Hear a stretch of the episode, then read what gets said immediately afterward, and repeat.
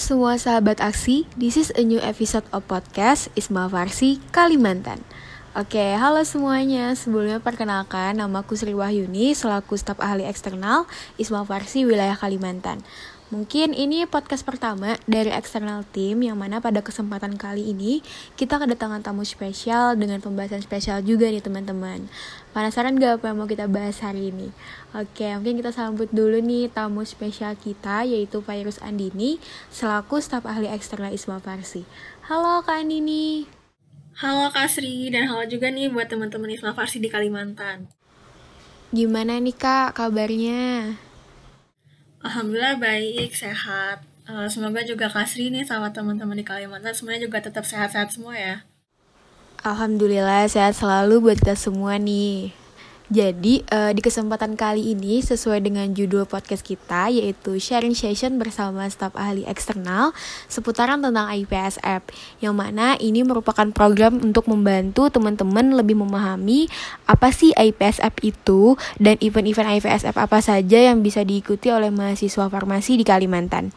Mungkin langsung aja nih kak sebagai pembuka mungkin boleh perkenalan dulu nih karena katanya kalau tak kenal maka tak sayang jadi kurang nih kalau nggak ada perkenalan. Oke silahkan kak Andini. Halo, perkenalin nama aku Virus Andini, biasa dipanggil Andini. Uh, sekarang menjadi staf ahli eksternal Farsi Nasional. Uh, aku dari Universitas Indonesia dan pokoknya udah gak sabar banget nih mau sharing-sharing lebih lanjut bareng teman-teman di Farsi Kalimantan. Oke, jadi Kak Andini ini merupakan uh, staf ahli eksternal Isma Farsi dari Universitas Indonesia. Oke, mungkin langsung aja nih ya Kak Andini ya, pertanyaan pertama yang banyak banget dibingungkan sama teman-teman di Kalimantan nih. Yang pertama itu adalah uh, eh, IPSF ini organisasi seperti apa sih Kak? Selain yang kita tahu nih kalau IPSF ini merupakan uh, organisasi yang menaungi mahasiswa farmasi di seluruh dunia. Terus juga eh, event-event apa saja yang ada di IPSF maupun IPSF Apro. Nah, iya tuh. Jadi uh, kayak yang tadi dibilang sama Kasri, uh, teman-teman juga mungkin udah lumayan tahu kali ya, udah lumayan familiar. Jadi IPSF itu singkatan dari International Pharmaceutical Students Federation. Nah, uh, teman-teman juga mungkin udah pernah dengar juga kalau IPSF itu uh, ada lagi nih kantor-kantor cabangnya atau bisa dibilang uh, wilayah atau regionalnya uh, mirip-mirip nih sama Isma Farsi. Kalau Isma Farsi punya 8 wilayah, kalau IPSF juga punya tapi cuma uh, 5 wilayah. Dan uh, kita di Isma Farsi itu di Indonesia uh, kita jatuhnya tuh di bawah naungan uh, IPSF Pro atau Asia Pacific Regional Office. Jadi uh, uh, kita tuh masuknya di wilayah Asia Pasifik. Nah, terus juga uh, pokoknya IPSF itu uh, selain menaungi mahasiswa farmasi ya dia juga uh, merupakan wadah gitu buat ngebantu nih teman-teman mahasiswa farmasi di seluruh dunia dan juga lulusan farmasi buat uh, ngembangin dirinya lebih jauh lagi nih. Yang pastinya buat mempersiapkan uh, semua teman-teman mahasiswa farmasi atau lulusan farmasi uh, sebelum menghadapi uh, dunia kerja nanti. Baik itu mereka ngadain mungkin pelatihan-pelatihan ataupun webinar atau mungkin melalui lomba-lomba kefarmasian ataupun lewat uh, event-event uh, besar gitu yang diadakan oleh IPSF maupun IPSF A Pro. Nah, contohnya tuh uh, mungkin teman-teman kalau misalnya lihat dari uh, media sosialnya mungkin sering lihat nih ada oh mau ada webinar terkait apa nih atau misalnya oh ada ini nih ada misalnya info-info atau podcast nih terkait uh, bidang kefarmasian ataupun terkait uh, isu-isu kesehatan yang ada di dunia. Nah, itu merupakan salah satu upaya dari IPSF tuh buat uh, ngebantu nih uh, menyediakan informasi ataupun uh, ngebantu juga uh, buat ngasih informasi ke, ke teman-teman supaya teman-teman jadi uh, dapat ilmu tambahan lagi. Dan nggak cuma itu, IPSF juga uh, bergerak di bidang advokasi terkait uh, pendidikan kefarmasian di seluruh dunia. Nah, buat event-eventnya sendiri, mungkin kalau yang paling besar yang mungkin teman-teman udah uh, pernah dengar juga nih mungkin dari Alka 1 itu ada yang namanya APPS atau kepanjangannya itu Asia Pacific Pharmaceutical Symposium. Uh, itu diadakan di tingkat EPRO atau di tingkat uh, wilayah. Sama juga salah satu event tahunan lainnya juga itu adalah World Congress atau WC nah kalau World Congress ini tuh diadain di tingkat sedunia atau global. Nah uh, buat dua-duanya itu mirip sebenarnya isinya mereka tuh sama-sama ada isinya. Uh, biasanya kalau EPPS itu tujuh hari kalau uh, World Congress itu 10 hari. Uh, dia itu isinya ada banyak. Uh, pokoknya ada mulai dari workshop ada seminar ada uh, ada pelatihan-pelatihan juga ada training-training lainnya baik itu training uh, untuk pengembangan diri ataupun yang lainnya. Terus juga ada lomba-lomba nih lomba-lomba kefarmasian misalnya ada patient counseling ada juga industry skills events terus juga ada compounding uh, ada esai dan pokoknya ada bermacam-macam lomba yang pastinya tuh juga berhubungan sama kefarmasian dan juga nggak bakal ngebantu ngembangin diri teman-teman semua Nah, selain ada yang serius-serius nih, ada juga tuh yang pastinya kan berhari-hari tuh. Nggak mungkin lah ya teman-teman kayak, aduh cuma serius-serius doang nih, kayak malas deh ikutnya. Nggak kok, tenang aja. Uh, di acara-acara ini juga bakal ada eh, event-event sosialnya. Jadi teman-teman bisa nih dapat kesempatan buat santai-santai, ngobrol-ngobrol sama teman-teman dari berbagai negara lain. Dan juga yang pastinya buat dapat kenalan-kenalan baru. Misalnya mereka ngadain ada uh, cultural night nih, mungkin uh, kayak kita masak-masak bareng nih masak-masak makanan dari negara masing-masing atau kita kayak uh, sambil make baju adat atau baju uh, baju nasional masing-masing tuh terus juga ada um, apa namanya ada galan night itu teman-teman bakal ya pokoknya acara-acara uh, sosial buat yang pastinya uh, buat kenalan lebih lanjut lagi nih sama teman-teman. Uh, peserta lainnya dari negara lain di uh, tempat yang gak serius-serius banget.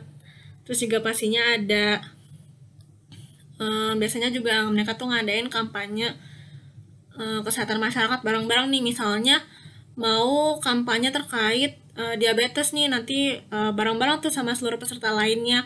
Bikin kampanye kesehatan masyarakat yang pasti tuh nggak kalah menarik gitu nggak bosenin.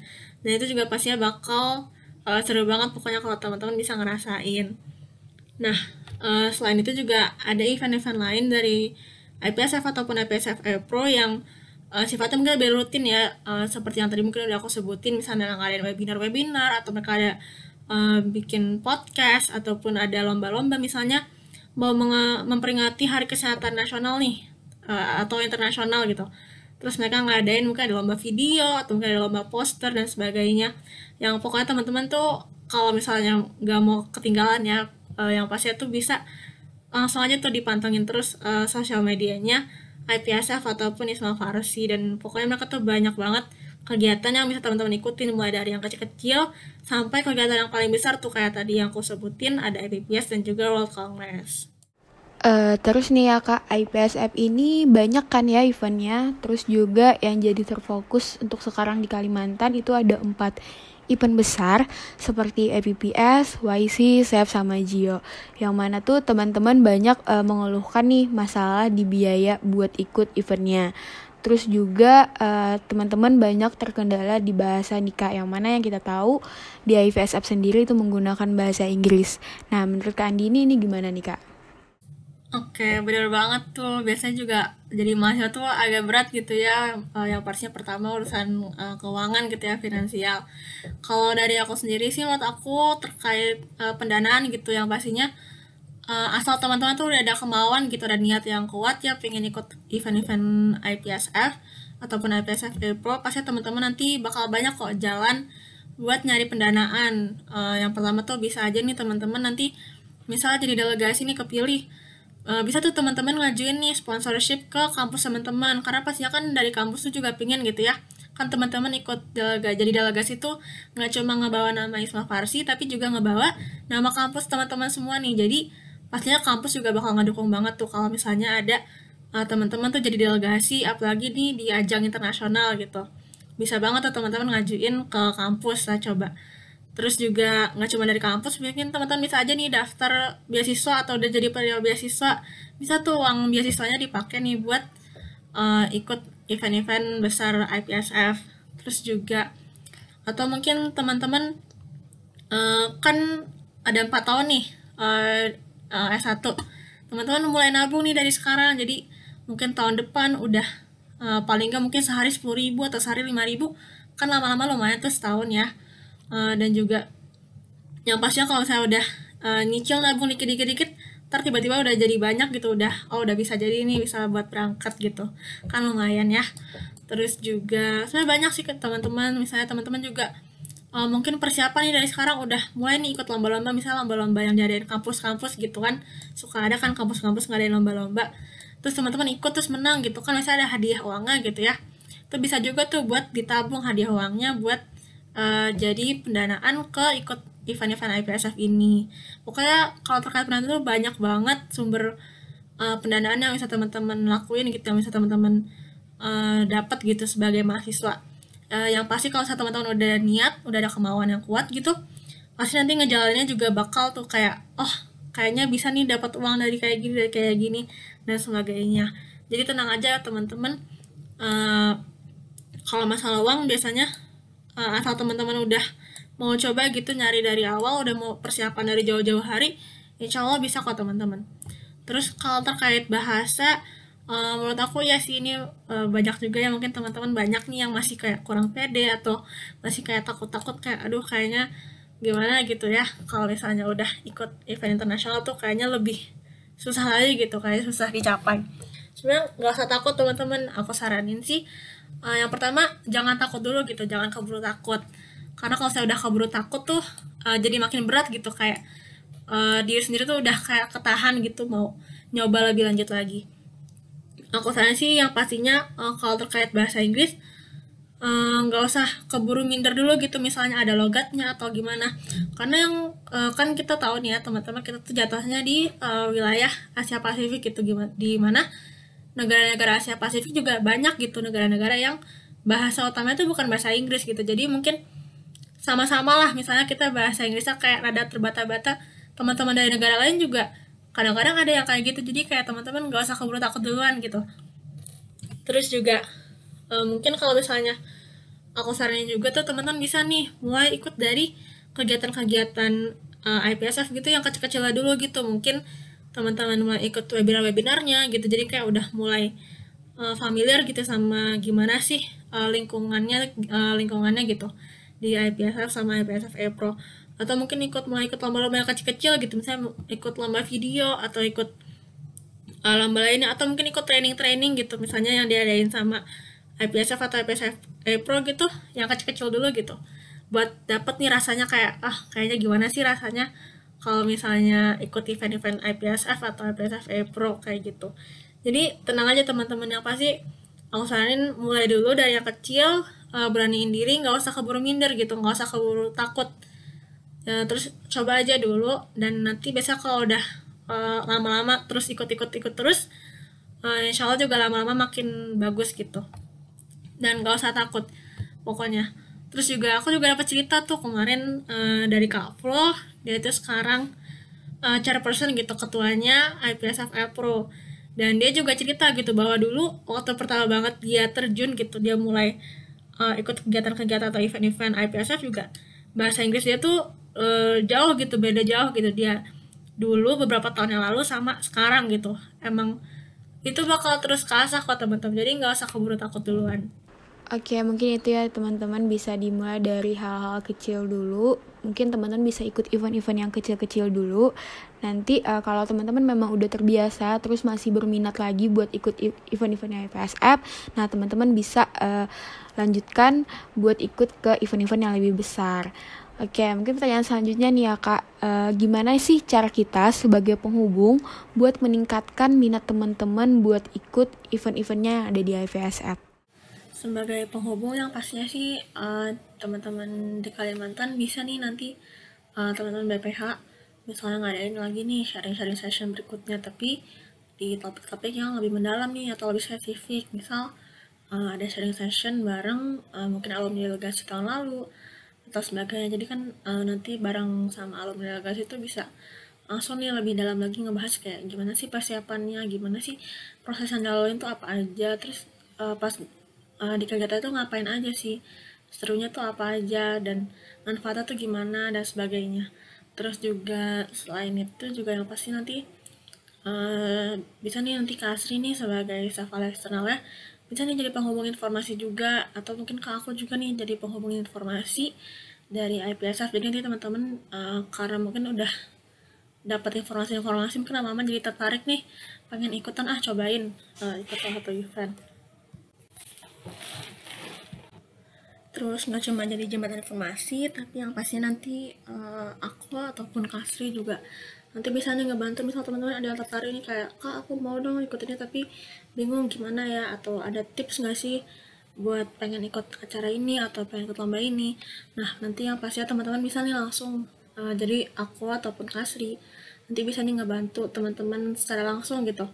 Uh, misal teman-teman pengen penasaran pengen uh, tahu lebih lanjut lagi langsung aja nih tanya-tanya sama aku ataupun Kasri kayak gitu bisa juga atau mungkin kalau misalnya di kampus teman-teman ada nih yang udah berpengalaman atau udah pernah nih nyobain ikut kegiatannya ataupun lombanya bisa nih teman-teman langsung nanya aja tuh eh, nggak uh, usah takut ke uh, misalnya ada kakak tingkat atau sebagainya Oke, baik nih. Uh, mungkin sebelum pertanyaan terakhir, boleh dong Kak kasih bocoran sedikit tentang event-event IPSF apa aja yang akan datang nih?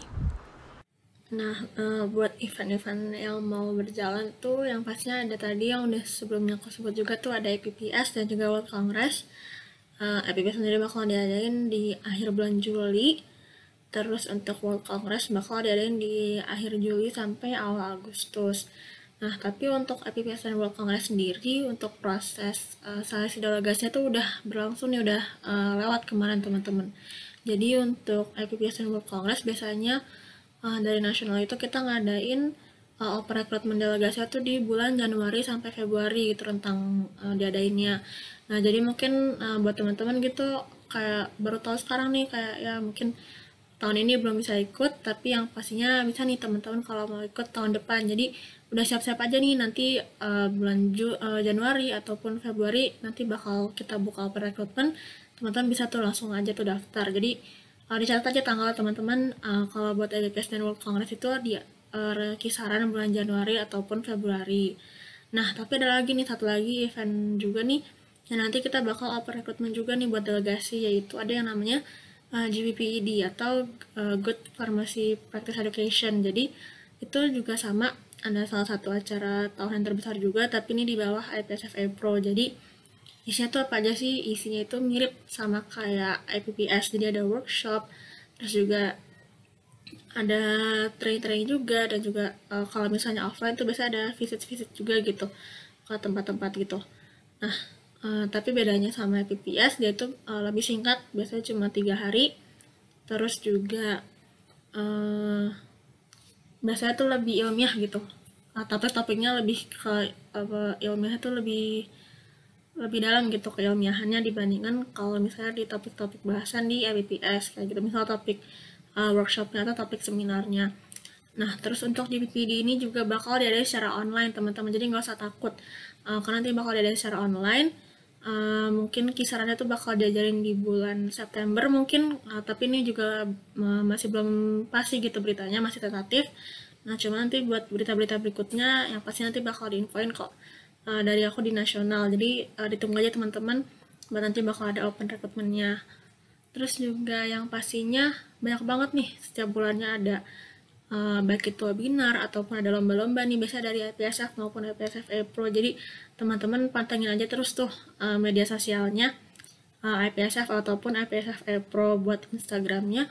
Kalau IPSF itu at IPSF.org IPSF.org terus untuk uh, eh, IPSF Pro uh, Instagramnya itu IPSF Pro APRO kayak gitu jadi pantengin aja terus teman-teman informasi-informasi terkait kegiatan berikutnya Nah, itu tadi ya teman-teman bocoran buat eh, event-event uh, apa aja yang bisa teman-teman ikuti nantinya.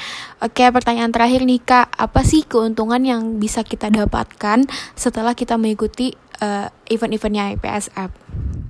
Wah, kalau keuntungan yang pasti banyak banget lah ya uh, yang pertama banget pastinya dapat pengalaman baru nih. Pengalaman yang pastinya teman-teman nggak bisa dapat di kampus ataupun mungkin uh, di Isma Farsi bahkan. Karena ini tingkatnya di internasional gitu skala internasional.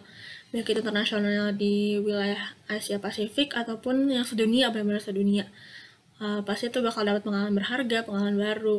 Terus juga pastinya dapat banyak banget ilmu baru uh, dapat banyak uh, yang pasti ke, terkait ke ilmuwan farmasi kefarmasian Nah, pasti bakal ngebantu banget hard skill teman-teman, misalnya ikut lomba-lomba dan segala, segala macamnya juga. Pasti teman-teman bakal dapat banget kok ilmu-ilmu bermanfaat yang nantinya bakal uh, ngebantu gitu pasti pas teman-teman udah lulus gitu, udah mau kerja. terus juga nggak cuma hard skill tapi soft skill juga teman-teman nanti bakal nih uh, bisa ngerasain gimana sih lingkungannya gimana sih cara, cara bergaul uh, di tingkat internasional gitu di lingkungan yang multikultural gitu gimana sih teamwork bareng teman-teman dari uh, latar belakang yang berbeda-beda negara terus gimana sih kayak komunikasinya terus gimana sih kayak mungkin kayak atmosfer kerjanya gitu atau gimana sih kayak lingkungannya kan pasti beda banget nih sama kalau di Indonesia gitu kan ini udah internasional. Pasti teman-teman itu bakal kerasa banget uh, soft skill teman-teman gitu komunikasinya terus kerja sama timnya terus juga uh, misalnya untuk terkait pemecahan masalahnya dan segala macamnya pasti bakal kasah kok teman-teman dengan ikut-ikut event-event dari IPSF ataupun IPSF A Pro terus juga nggak cuma itu yang pasti dapat banyak kenalan baru tuh. Dapat bisa dapat teman-teman baru dari negara-negara lain. Terus itu yang pasti bakal berharga banget nih misalnya teman-teman jadi uh, bisa nih tanya-tanya kayak eh gimana sih kayak uh, kuliah farmasi mungkin di negara lain? Gimana sih kuliah farmasi di misal di Thailand ataupun di Filipina atau di Korea atau di mana pun itu? Teman-teman bisa nih uh, dapat kenalan-kenalan baru buat nambah wawasan juga nambah relasi. Terus juga yang pastinya uh, dengan teman-teman ikut-ikut event-event ini uh, itu pasti bakal nambah banget kok di CV teman-teman. Dan pasti bakal jadi pembeda banget buat teman-teman uh, nantinya gitu ketika udah lulus. Kalau teman-teman udah ngerasain gitu gimana sih uh, ikut kegiatan gitu di tingkat internasional gitu kan itu berharga banget gitu bisa teman-teman nanti uh, di CV atau nanti misal udah mau kerja gitu kan pasti bakal uh, dilihat banget gitu bakal jadi pembeda banget ya teman-teman sama orang-orang lain gitu. Apalagi uh, sekarang gitu kan kita makin terus berkembang gitu ya kayak udah makin bebas gitu. Uh, apa namanya juga uh, sekarang juga pasti perusahaan-perusahaan itu udah nggak cuma nyari uh, yang biasa-biasa aja itu mungkin nasional mungkin udah banyak ngeliat gitu apa kalau ini internasional gitu kan kegiatannya. Jadi pokoknya banyak banget uh, manfaat yang bisa teman-teman dapetin. Uh, jadi kayak nggak usah lagi gitu emang mungkin kelihatannya bakal agak susah gitu tapi yang pastinya kayak semua kesusahan itu bakal sebanding gitulah sama manfaat yang bisa teman-teman dapetin dengan uh, ikut nih kegiatan-kegiatannya Nah, jadi itu ada keuntungan-keuntungan yang kita dapatkan jika kita ikut event-eventnya IPSF nih teman-teman. Mungkin sebelum kita tutup nih, boleh dong kak kasih semangat dan motivasi buat sahabat-sahabat aksi untuk mengikuti event-eventnya IPSF. Oke, mungkin kalau dari aku, uh, apa ya, kalau aku mungkin sih yang pasti teman-teman aku harap bisa. Eh, nggak uh, usah takut gitu mengikuti event-event internasional. Yang penting teman-teman beraniin dulu gitu. Atau enggak yang paling nggak punya minat deh. Kalau teman-teman kembangin tuh minatnya. Kembangin tuh kayak pengen rasa pengen tahunya gitu sama event-event internasional. Karena nanti kalau teman-teman udah penasaran terus udah kayak udah ngeberaniin diri pasti nanti teman-teman ada gitu bisa nemuin jalannya supaya bisa nih kayak terus uh, ngembangin diri teman-teman uh, melalui ikut event-event internasional kayak gini. Terus juga nggak uh, usah takut gitu. Misalnya teman-teman ragu kayak aduh aku bingung nih dapat informasinya gimana sih? Aku pengen tanya-tanya lebih lanjut. Nggak usah takut kalau nggak usah bingung teman-teman. Uh, itulah kayak perannya aku gitu sebagai staff eksternal dan juga kasri gitu staff eksternal di Kalimantan. Jadi teman-teman bisa nih kayak udah Duh aku pengen nih bisa aktif gitu di internasional. Aku pengen nih kayak bisa oh pengen jadi kayak kaflo gitu. Uh, ada jabatan di ITSF Pro gitu. Teman-teman bisa nih langsung aja gitu ceritain ke uh, Kak Sri ataupun ke aku langsung. Dan nanti bakal yang pastinya kayak kita bisa kok kayak ngobrol-ngobrol lebih lanjut. Kita bisa nanti ngebantu juga nih teman-teman kayak uh, ngasih tahu lebih lanjut lagi kayak gimana sih uh, lebih lanjutnya tuh detail-detailnya gimana sih. Jadi teman-teman gak usah takut gitu.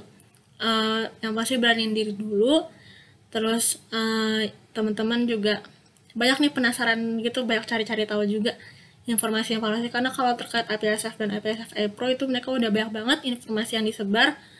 Uh, asal teman-teman mau nyari informasinya tuh pasti udah bakal dapet kok. Dan pokoknya kalau saya teman-teman bingung atau gimana gitu bingung mau mulai dari mana uh, coba aja gitu hubungin aku ataupun Kak Sri. Nanti kasih kita uh, kita bantu gitu dan pastinya nggak uh, ada yang nggak bisa gitu loh kalau teman-teman mau berani nyoba gitu dari aku sih Oke, itu jadi penutup ya buat ngobrol-ngobrol kita hari ini. Terima kasih nih Kak Andini sudah mau meluangkan waktunya buat kita sharing-sharing tentang IPS App dan semoga nanti dengan adanya podcast ini bisa membangkitkan semangat teman-teman sahabat aksi buat ikut event-eventnya IPS App nih. Oke, terima kasih nih buat pendengar Isma Farsi Kalimantan Podcast bersama staf ahli eksternal wilayah Kalimantan. Dan jangan lupa untuk terus ikuti podcast Isma Farsi Kalimantan karena bakalan ada podcast-podcast menarik lainnya. Jangan menyerah, tetap semangat dan terus gelorakan aksimu. See you next time di podcast selanjutnya. Bye-bye.